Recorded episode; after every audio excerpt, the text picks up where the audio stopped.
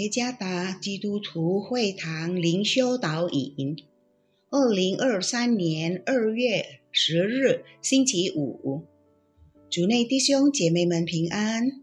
今天的灵修导引，我们要借着圣经路加福音十九章第一到第十节来思想今天的主题：耶稣而来的喜乐。作者彭卫国牧师。路加福音十九章第一到第十节，耶稣进了耶利哥，正经过的时候，有一个人名叫撒该，做税吏长，是个财主。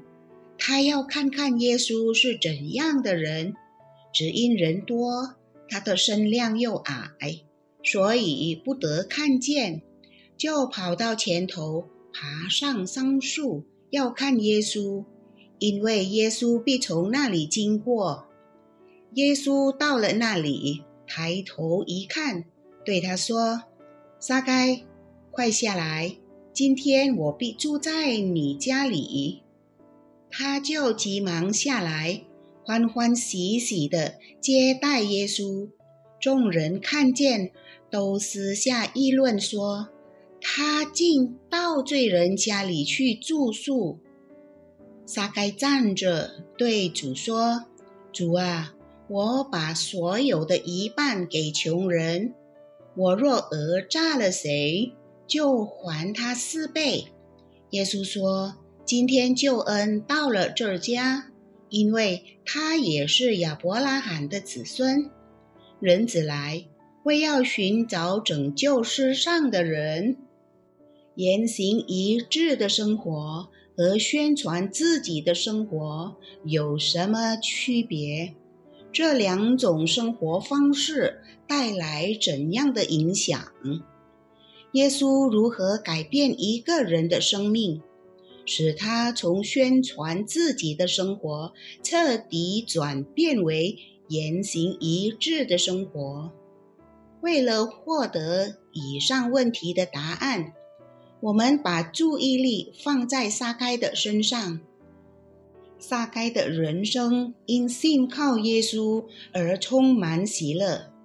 如果耶稣能改变他的生命，那么他也能将我们的生命改变成充满喜乐的人生。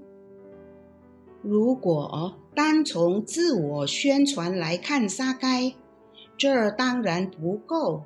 他的职业是税吏，犹太人很看不起税吏，在他们眼中，税吏是社会的垃圾，是罪人，擅长贪污和勒索等等。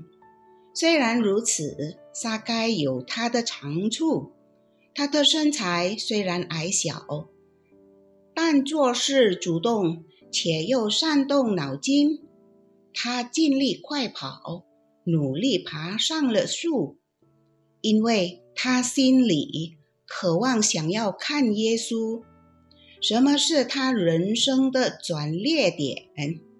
就是当他看见耶稣，他把注意力放在耶稣身上，耶稣向他说话，因为救主寻找像撒该这样的人。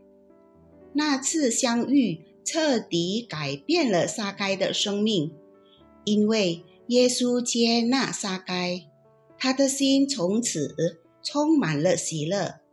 沙该悔改后，立志要过一个新的生活。沙该接受了基督的救恩，他是亚伯拉罕的后裔，能得到神所立之约的所有福分。你的生活如何？你有怎样的背景？请来到耶稣面前吧，经历来自耶稣的改变。他有能力改变我们的生命。耶稣愿你在他里面有永远的满足和喜乐，因此采取正确和迅速的脚步。来获得基督为我们预备的一切最好、最大的恩典和祝福。基督已为我们预备了真正的救恩和真喜乐。你个人与耶稣的相遇，是你生命的转捩点。主耶稣赐福。